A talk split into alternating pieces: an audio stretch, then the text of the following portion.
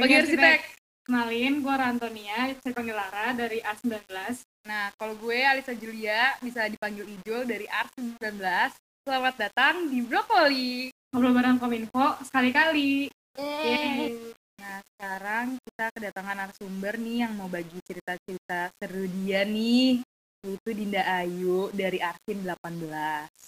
Yuk, sekarang kita mulai aja ngobrolnya. Yuk, pertama-tama uh, aku masalah nih.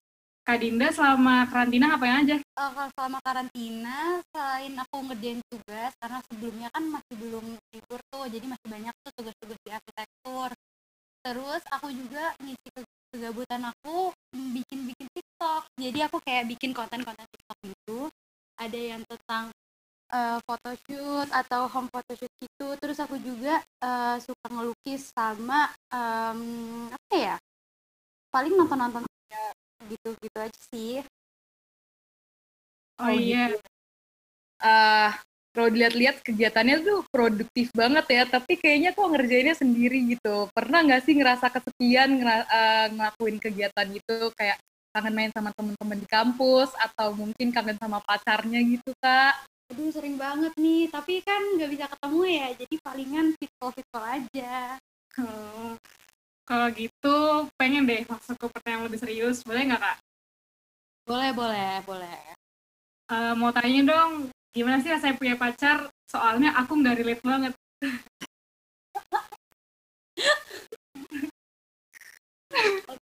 Eh, Rasanya ya, aduh, rasanya ya seneng-seneng aja sih, kayak ada yang chat tiap hari, terus ada yang ngabarin, ada yang nanya kabarnya, terus kalau misalnya mau jalan, ada yang bisa diajak jalan terus, terus eh ya kalau gabut ada temennya deh. Kalau boleh tahu nih, udah dari kapan sih emangnya sama pacarnya? Hmm, aku dari dari 2015 awal. Ya ampun, udah lama banget, keren banget. Kalau dideketinnya sih dari 2014, tapi baru jadian Februari nih 2015. Ya ampun, udah lama banget. Eh, mulai dong, Kak. Pertama kali di PDKT-in gimana caranya? Ya kan kalau misalnya PDKT gitu kan yang kayak lucu-lucunya gitu loh. Ya. Boleh nggak kayak di-sharing gitu ceritanya? Boleh, boleh, boleh. Jadi, eh aduh, ini agak cringe, nggak apa-apa ya. Gak apa, Kak. Aku suka, Kak. Jadi awalnya tuh eh, pacar aku ini tuh kakak kelasnya kakak aku. Jadi itu aku tuh sama dia beda tiga tahun. Jadi aku nggak pernah satu loh sama dia. Jadi kalau aku misalnya masuk SMA, dia lulus gitu. Jadi aku tuh dikenalinnya dari kakak aku. Jadi dia tuh eh, minta kenalin gitu ke kakak aku. Terus dia minta eh, lain aku segala macem kan. Terus dia ngechat aku. Terus awal-awalnya dia ngechat itu dia minta ID Snapchat. Karena waktu itu lagi lagi apa lagi hype hype nya Snapchat kan jadi aku tuh awal deket sama dia tuh Snapchatan gitu terus kita main game bareng game online Utopia apa gitu kayak Minecraft gitu terus ya udah jadi cacat terus padahal aku juga lagi deketin orang waktu itu Waduh. Waduh, banyak ya.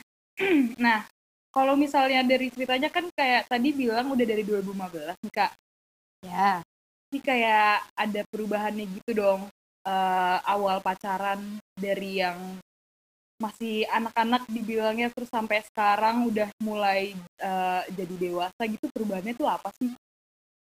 Eh, perubahannya mungkin kayak lebih ke pola pikir ya. Jadi kayak kalau dulu tuh aku bisa lebih kayak dikit-dikit ngambek atau kayak eh, kayak mudah banget kayak ngambek-ngambekannya gitu deh. Jadi kayak lebih sering cekcok. Nah kalau sekarang tuh aku udah berpikirnya agak lebih dewasa dari sebelumnya nggak bocil lagi lah nggak sebocil dulu maksudnya. Terus eh, jadinya kayak lebih nggak terlalu sering berantem gitu sih. Terus juga kayak lebih eh, saling ngertiin. Kalau tadinya kan kayak kok kok kamu kuliah terus sih? Gini gitu terus sekarang udah ngerasain kuliah oh tahu pantesan dia sibuk karena dia kuliah kuliah, kuliah tuh gini rasanya gitu gitu itu jadi kayak lebih tahu kehidupan lah gara-gara eh, sebelumnya kan masih kayak sekolah gitu kan jadi masih beda. Sekarang udah bisa uh, seimbang gitu Walah. Kan kalau misalnya dalam hubungan gitu kak, pasti ada banyak masalah gitu kan. Ada suka dukanya kan. Pengen tahu Hmm. dong kak, suka duka sama pacar kakak apa?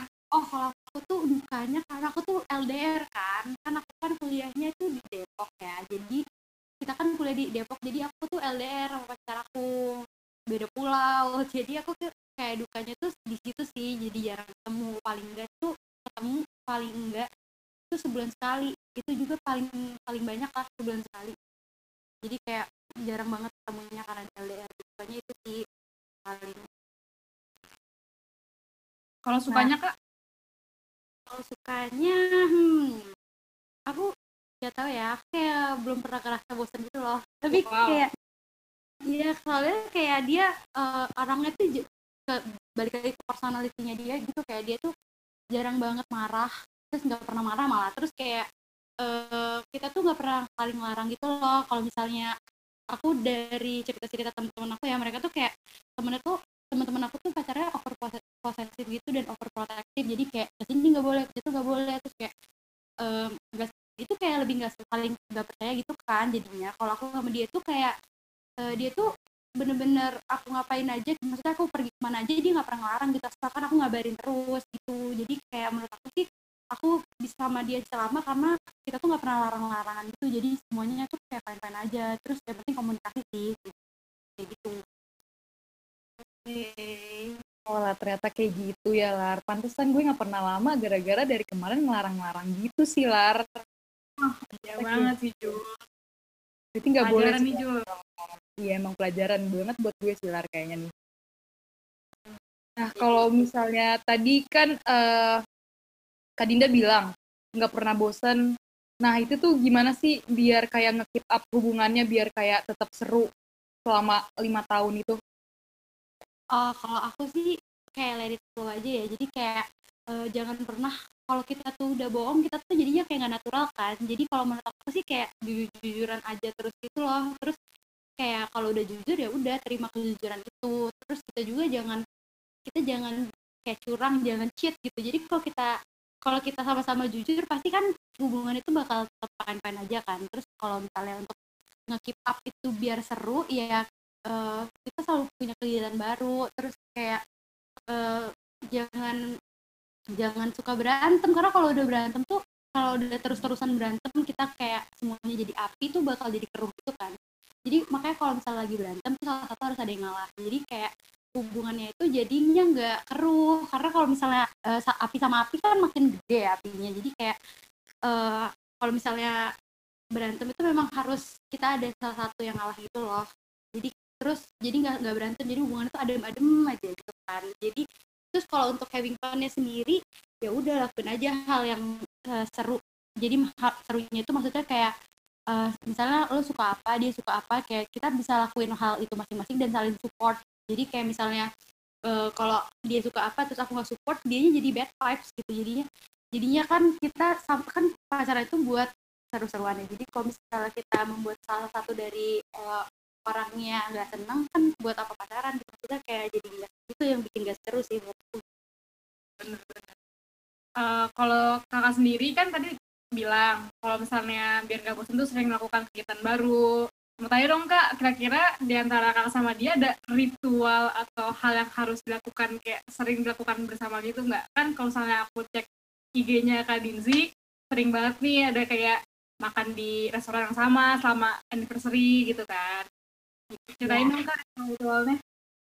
Aku ada sih, nah itu yang kayak di yang kayak dibilangin Lara tadi. Nah aku tuh jadi pertama kali jadian tuh aku pernah makan di satu restoran yang favorite banget. Jadi kayak aku paling suka makanan di situ.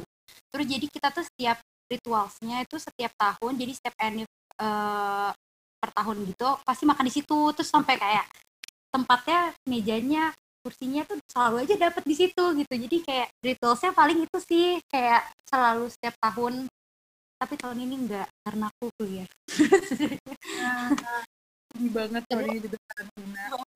itu setidaknya eh, ritual lainnya tuh kalau misalnya aku ulang tahun tuh aku tuh selalu deket kan ulang tahun aku tuh deket ulang tahunnya dia no- di aku na- akhir November dia awal Desember. Jadi kita tuh selalu tukeran kado gitu terus ada kayak eh, ala-ala fine dining terus gitu setiap tahunnya gitu. Apalagi ya hmm, paling kalau rituals yang sehari-hari aku tuh suka ini apa namanya makan makannya tuh kayak keliling-keliling aja di mobil gitu. Terus kayak beli, beli belinya yang banyak gitu. Terus kita makan deh di mobil keliling-keliling gitu. Oke. Nah, kan kalau apa namanya mau misalnya pacaran gitu kan kayak pengen nonton konser atau apa pergi ke mana traveling bareng. Nah menurut Kak Dinda tuh eh, nah itu kan butuh kayak izin dari orang tua gitu nggak sih? Karena aku juga kalau misalnya mau izin mau pergi ke pasti harus izin dulu ke orang tua. Nah menurut Kak Dinda tuh pendekatan ke orang tua penting nggak sih? Aduh penting banget. Karena kan kalau kita misalnya mau pergi kan pasti harus izin juga kan. Apalagi kalau mau traveling itu pasti harus izin dan harus dapat kepercayaan dari orang tua kan.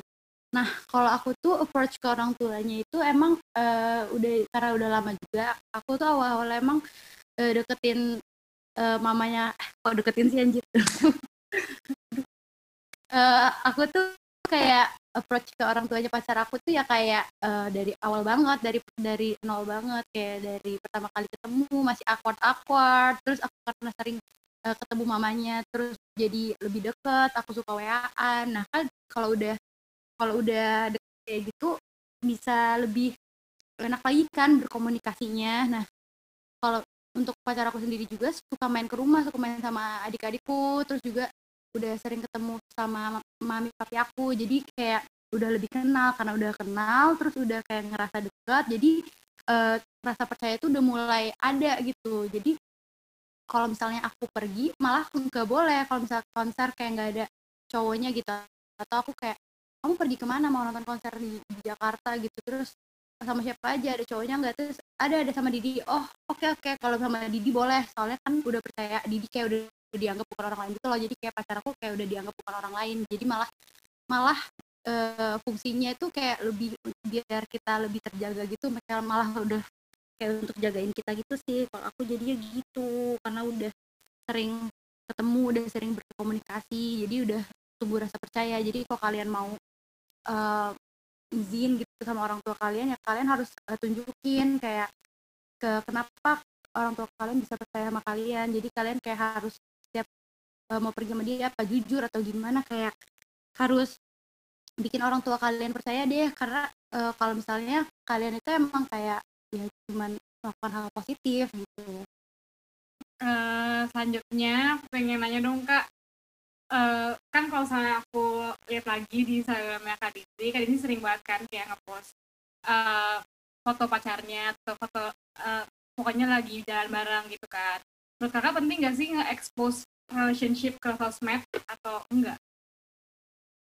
Menurut aku sih penting nggak penting ya. Tapi kalau ke pentingnya, poin pentingnya sih menurut aku kayak biar kayak orang tahu nih gue punya pacar dan dia pacar gue gue pacar dia itu menurut aku kayak mungkin positifnya lebih ke situ kayak lebih kayak biar orang tahu kayak kan kalau misalnya orang tidak pernah bicara sama pacarnya otomatis kayak orang oh nih orang jomblo nih kayak most of people kan bakal berpikir seperti itu kan. Kayak kalau orang awam bakal berpikir kayak gitu tanpa kalau orang yang nggak tahu dia di real life gitu. Terus kayak kalau untuk nggak pentingnya menurut aku sih kayak kalau selalu posting juga kayaknya nggak nggak perlu deh. Soalnya kayak kalau terlalu overpost gitu nanti orang kayak kayak terlalu nge-expose gitu kan kayak orang bakal ngelihatnya tuh kayak ada yang iri ada yang nggak uh, suka atau kayak ada orang yang risih atau ada orang yang merasa cringe. Pasti kayak kalau udah masuk sosial media kan udah konsumsi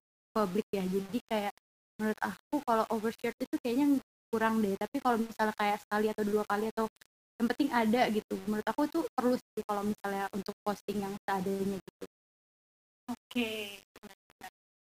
nah uh, berarti kan uh, kalau misalnya kayak tadi udah pacaran lama udah kenal orang tua segala macam uh, masih penting gak sih kayak ada privacy atau personal space dalam hubungan Kak Dinda ini uh, kayak apa ya pasti ada uh, waktu untuk me time-nya gitu menurut Kadina tuh penting gak sih? Penting banget. Menurut aku sih penting banget ya, soalnya kayak um, setiap orang pasti ada butuh personal space kan. Semua orang punya kegiatan masing-masing, semua orang punya hobinya masing-masing. Jadi kalau misalnya uh, kita nggak memberikan dia space atau jadi kita kan kayak lebih ngeblok uh, kegiatan dia kan jadi kayak ngelarang-ngelarang gitu nanti dia bisa jenuh sama kita kayak misalnya kamu suka nonton uh, film tapi dia bilang nggak usah nonton film udah teleponan sama aku aja oke mungkin itu akan dimaklumin sama dia sekali atau dua kali terus tapi kalau udah keseringan sedangkan hobi kamu itu nonton film. Terus dia nge dia ngelarang kamu buat itu pasti dia pasti kita akan yang dilarang pasti kayak apaan sih ini orang? Kenapa larang-larang gue? Pasti kayak pasti kamu bakal jenuh kan lama-lama dengan perilaku dia kayak gitu. Nah kejenuhan itu bisa jadi uh, cikal bakal nih apa namanya uh, ke ke nggak nyamanan kamu dengan dia. Jadi kalau kamu udah nyaman kamu bakal risih dan bakal maunya pisah gitu kan pasti. Itu jadi personal space itu penting banget buat aku. Dan kita harus saling menghargai personal space dan kesukaan kita masing-masing. Oke bener banget. Oh bener selama uh, pacaran gitu nggak pernah masuk fase bosan gitu kak? Um, kalau bosan kalau bosan sih enggak ya. Paling kayak uh, lagi mau sendirinya itu kayak lagi lagi ada kegiatan yang kita kayak lagi fokus banget. Itu kayak lebih ke situ sih aku kayak aku kalau misalnya kayak aku lagi nugas gitu ya aku kayak terlalu fokus sama tugas aku jadi kayak nggak ngabarin dia atau nggak nggak sempat jalan sama dia. Pasti kayak gitu tapi dia pasti uh, maklumin karena pasti ada masanya juga dia bisa kayak gitu. Jadi kayak ketika kita kayak gitu kita juga akan cari kegiatan sendiri. Jadi kita uh, nggak memunculkan pertengkaran gitu. Nah, berarti balik lagi tadi ke personal space-nya nggak sih kak? Iya bener banget. Misalnya dilihat-lihat dari tadi nih, aduh berarti positif banget ya hubungannya kayak healthy relationship banget, pantesan oh. aja bisa awet lar. Berarti gue harus belajar banget dari Kak Dinda lar. Dan lo mungkin belum mencari pacar yang tepat, lo bisa lalar belajar dari sini. Ada banyak hal yang bisa lo ambil nggak ya nggak sih untung kita undang Kak Dinda ke sini jadi kita bisa tahu kalau relationship yang healthy itu kayak gini tipsnya kayak gini gitu Iya, jadi lo sebelum punya pacar nih Lar, lo harus udah siap dulu Lar. Jadi kan langsung dapet satu terus langgeng kan enak gitu Lar. Wah bener banget sih. Kayaknya sih iya sih. Ju mau nanya lagi nggak Ju? Duh, iya kayaknya udah cukup banget sih kayak gue udah bisa uh, bisa memetik banyak hal gitu dari obrolan-obrolan tadi. Kalau Ijul sendiri emang lagi gimana nih status status relationshipnya? Uh, kalau aduh susah banget nih. Kalau misalnya aku nih kemarin tuh kayak sempet di toxic relationship gitu kan, tapi kayak lama-lama kita harus ikhlas dan akhirnya juga nemu yang sekarang alhamdulillah nemu yang pas. Jadi doain aja ya. Oke, kalau menurut kan aku juga udah bisa memetik banyak uh, tips-tips nih biar langgeng gimana. Jadi mungkin akan dicoba.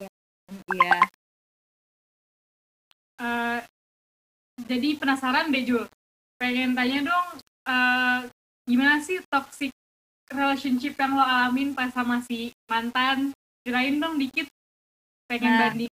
Misalnya dari tadi nih dengar dari cerita Kak Dinda tuh bener-bener jadi bertolak belakang banget sih kayak tadi personal space. Waktu gue di toxic relationship tuh uh, mantan gue tuh nggak pernah ngasih gue personal space. Jadi misalnya gue mau organisasi gue mau ngerjain tugas gue mau kumpul sama temen-temen itu nggak boleh. Karena kayak loh kamu lebih milih mereka dibanding aku. Dan itu kayak nggak baik banget dong. Terus ya, kayak iya kan? Dan terus, yang kayak apa kayak gitu ngaruh dong ke kuliah lo. Jadi kayak mau nugas juga ribet mau ngerja kayak mau ketemu temen juga ribet mau organisasi juga ribet gitu kan? Iya betul. Jadi kayak gue ngerasa sih waktu gue sama mantan gue ini kayak gue sedikit ansos. Jadi ya hidup gue cuma dia doang. Dan apa ya dan gue jadi nggak progresif gitu loh dan dan nggak produktif sama sekali. Karena ya fokus gue cuma dia gue nggak ngelihat hal-hal yang lain. Bahkan kayak uh, gue mau sama misalnya quality time sama keluarga gue aja bahkan dia kadang suka masih ih kok lama banget gini gini gini gini. Itu bener-bener nggak sehat banget dong. Bener-bener. Banget kalau udah kayak gitu soalnya aku juga pernah nih di posisi yang kayak aku masih masih bocil lah bisa dibilang. Terus kayak aku suka kayak eh kamu kenapa sih?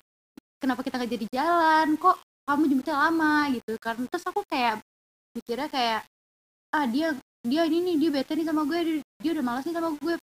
Terus kayak setelah aku pikir-pikir itu tuh eh, kita toxic banget ke dia. Kita nggak tahu keadaan dia apa. Dia lagi capek dia lagi nugas kuliah atau beban dia lagi banyak. Sedangkan kita, dia dapat beban yang kayak gitu sedang kitanya bukan yang nge-support dia kita malah kayak lebih ngejatuhin dia gitu loh. Itu tuh yang bikin toksiknya. Kalau misalnya kita kayak nggak support itu malah bikin salah satu dari eh, pasangan ini tuh jadi down gitu kan. Nah itu tuh toxic banget. Jadi kalian kalau misalnya eh, nemu cowok yang kayak ngelarang-larang itu tuh udah tanda-tanda toxic tuh. Jadi hati-hati aja ya teman-teman. Iya Oke, bener banget. Bener banget. Dan jatuhnya nanti kalau misalnya ngelarang-larang tuh malah jadinya malah jadi nggak jujur satu sama lain gitu loh. Malah jadi ada salah satu. Itu jadi bohong. Karena Iya, demi biar si pacarnya itu nggak marah gitu loh. tuh Eh, kalau Kak Dinda sendiri selama pacaran itu lama gini ngaruh nggak sih kak ke pelajaran atau ke kuliah kakak? Atau malah makin semangat? aduh aku malah makin semangat sih. Soalnya kayak nggak tahu kenapa pas banget. Dia tuh kuliahnya sipil dan kita kan ars jadi jadi aku tuh suka banget eh, malah kayak nanya sama dia kayak ngerjain tugas bareng. Aku minta kerjain bantuin kerjain tugas aku gitu. Karena dia kayak lebih ngerti apalagi kayak lebih ke tekbang tekbangannya gitu kan teknologi bangunan. Jadi kayak menurut aku karena lebih ke satu rumpun gitu sih jadi kayak malah bikin aku lebih semangat karena ngebantu banget sih dianya gitu. Kayak pas aja gitu Oh iya bener banget sih Lar. Jadi kalau misalnya mau cari pacar kita lihat dulu kuliah dia apa nyambung nggak. Jadi benefit untuk kitanya juga dapet Lar. Tapi Benefit aku pernah pernah deket sama anak sipil. Aduh curhat. Nggak lanjut guys, karena kurang tips dari Kak Dinda. Sekarang udah ngerti. Jujur mau yang lain nggak Jul? Kalau sampai sini sih kayaknya udah cukup sih Lar. Udah bener-bener bermanfaat banget obrolan sama Kak Dinda. Nah, eh, pengen bilang makasih dulu nih udah nyempetin waktunya buat ngobrol sama kita. Makasih ya Kak Dinda. sama Doain semoga eh, hubungan aku lancar dan Lara juga cepat-cepat mendapat pasangan. Oke pokoknya jangan sampai kalian terlibat di waktu ya Ya Kak, amin Kak. Oh iya, ada ini nih, Ijo mau nyampein sesuatu Jo. Sampein dong yang tentang kuis. Yeay. apa tuh kuis Eh, untuk kuisnya eh, nanti tuh ada di deskripsi podcast. Bisa dicek. Bisa dicek ya guys, ada di deskripsi, eh, deskripsi podcast. Yeay. oke nanti cek deskripsi podcastnya Oke, jangan lupa ya dengerin podcast-podcast selanjutnya. Oh, sama terakhir nih Kak. eh harapan buat brokoli ke depannya tuh apa? Harapan buat brokoli ke depannya semoga bisa narik narasumber-narasumber yang lebih gokil-gokil lagi jadi kontennya lebih menarik lagi dan lebih mengedukasi teman-teman semua oke Yeay. Yeay. sama-sama Oke, buat semuanya jangan lupa mendengarkan podcast-podcast selanjutnya ya. Jangan lupa ya guys. Terima kasih semuanya. Terima kasih udah dengerin. Terima kasih guys. Brokoli.